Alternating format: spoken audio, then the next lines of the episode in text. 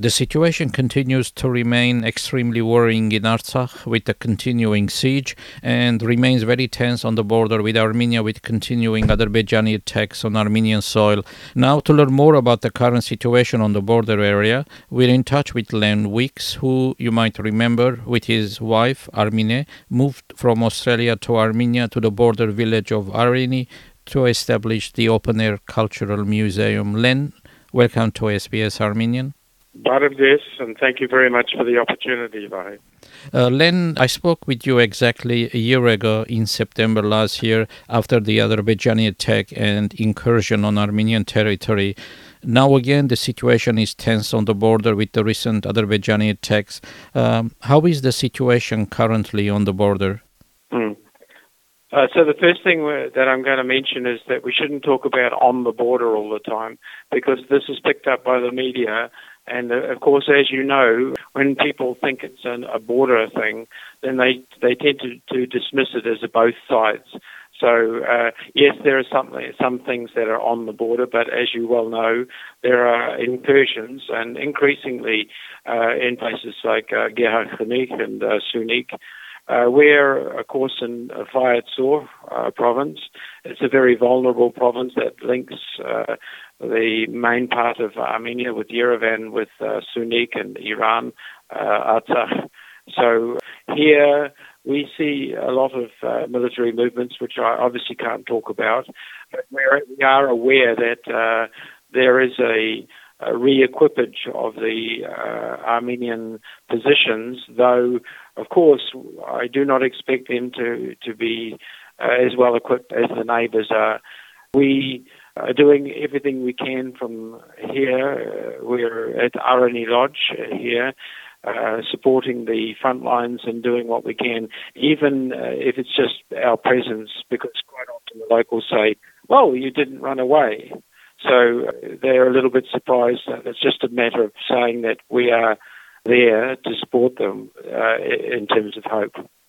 Len, how is life on the border villages and towns? Uh, how are people coping? Are villagers preparing for the worst? As you know, Armenians are uh, ad hoc people. They they tend to to not uh, be so good at planning. However, one thing I would say is that most people do have stocks of food and water, especially on the border villages. We're 1.5 kilometres from the border here, so we have uh, our own shelter and we have our own supplies, but we don't have good transport means. Uh, if the neighbours decide to do an incursion in this vulnerable part, then we only have one escape route, and that's uh, up through Lake Sevan. And as you know, Gerhard is also under pressure, so so even that route might be difficult. Uh, however, we're here. Even my 87-year-old mother is here. And so uh, we're not showing fear. It is concerning, however, that like last night we heard that the Azeris were disseminating false propaganda that Armenians were firing into Nakhchivan. Now that's the first time that they've said such things for a couple of years. So, and that's normally, as you know, a pretext for some incursion of some sort. We obviously can't talk about the defensive positions, but we do uh, go from time to time when we're permitted to support these. The brave young men and women on the lines are doing what they can with limited uh, equipment. And I would just say that uh, if anyone is listening, uh, if you're like us, having a difficult time sleeping and uh, wondering what the future is like for the homeland, then you should be here uh, not in Sydney, not in Melbourne. You should be here.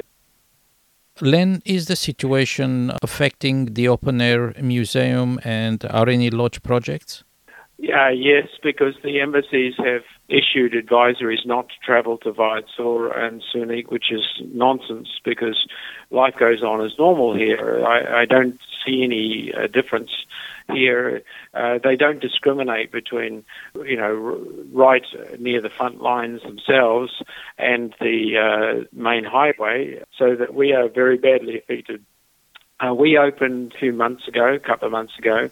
The businesses all around here are suffering very badly. Our wine festival happens in early October, but I'm not sure that will go ahead. That would be the fourth year in a row that uh, it, it, was unable to go ahead. So people are suffering economically. But the irony is that there's a big boom happening in Yerevan, and there's huge construction going every, uh, on. There's uh, huge resources going on there. The economy is uh, very buoyant. But uh, the rural areas here, it's really the opposite. There are a couple of investors like us who have come into the area, but mainly we see a huge gap. Uh, and this is very dangerous, Vahe, because the villages are depopulated. We struggle to get any staff, or uh, we struggle to retain our staff because they all want to go to Yerevan.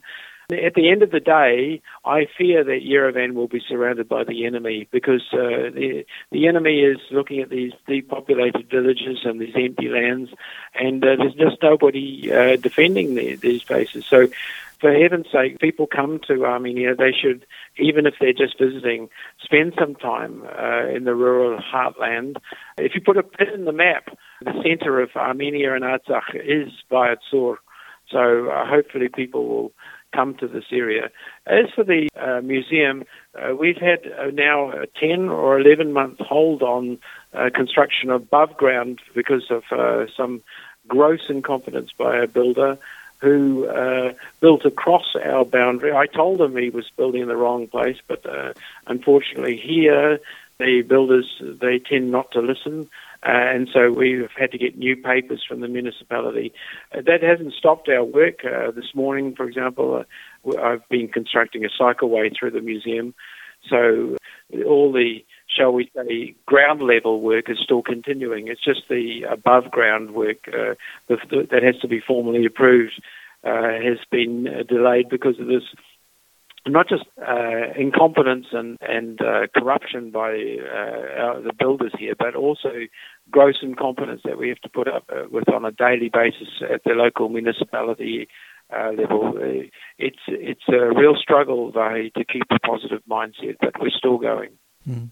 Len, what are you doing to inform the world what is happening in Armenia, in Artsakh? Oh, that's a really good question, and thank you for that. I am vlogging on uh, YouTube. So if you look up uh, Straight Talk from the Homeland, you'll find me there.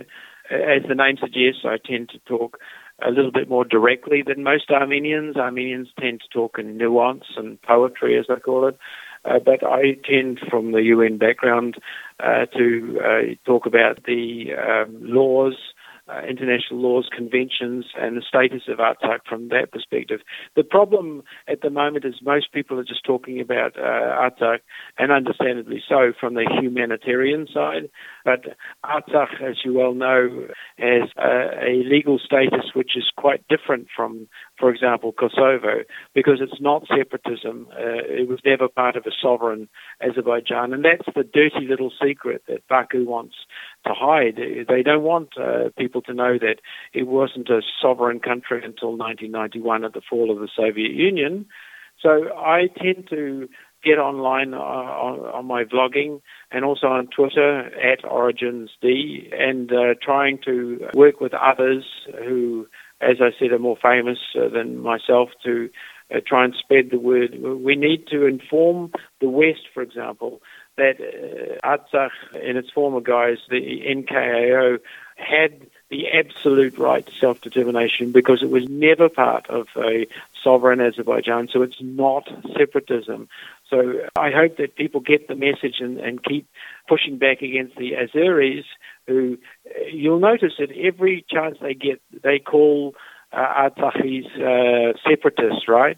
They call these people citizens of Azerbaijan and things like that. And it's not helped by certain politicians here in the homeland who uh, acquiesce and and uh, suggest that in fact they are part of Azerbaijan, which is gut wrenching. I have to say it's it's very difficult to take when you know that that's not true. So, uh, in summary, uh, whether it's uh, d- discussing online or uh, using the various social media or even on uh, the TV outlets, TV channels here, uh, we're doing everything we can to get the message out, try and get people united, and then to get to the decision makers in the West who can understand that they can, on the one hand, uh, provide the humanitarian aid that's necessary. And by recognizing Artsakh and by protecting Artsakh with international peacekeepers, and on the other hand, know that it doesn't affect uh, Azerbaijan's territorial integrity. One, that in the same way as Timor Leste's independence does, didn't affect Indonesia's territorial integrity one minute because the, the boundaries changed to the correct one after years and years and years of oppression from Indonesia. It's no different to the situation for Artsakh. So that's what I'm trying to do. I just want to encourage people who are always busy in their lifestyles there in Australia and New Zealand to consider uh, getting on an aircraft and coming here. Don't just be a keyboard warrior. Come here and make a difference. This has great potential, this country. Yes, there are systemic problems, but for example, we're working with Indian investors uh, to open a new university. Uh, it should have been open already this month, but for the bureaucracy of the Armenian government. But nevertheless, uh, there is a lot of exciting things that can happen in a country like this, which has been underdeveloped, uh, which which means that for investors there is a lot of investment potential. Of course, there are risks, uh, and I detail some of those risks in some of my blogs. But nevertheless, I want to encourage people who uh, want to come here, want to invest, to get in touch with us and to uh, see what might be possible. But for heaven's sake, don't just go to Yerevan. Len, have schools started? Already in Armenia? Yeah, school has already started uh, as of uh, the beginning of September, and I believe it's even started in Artsakh. You can understand how courageous those people are under such enormous difficulties actually starting school. So, you know, uh, I think all of us in our in our daily lives can take a, a cue from them uh, and wake up and be a bit more united and uh, be as strong as them. Len, thank you very much for the interview and uh, the information, and uh, we'll keep in touch. Thank you, Vahe. Hajok.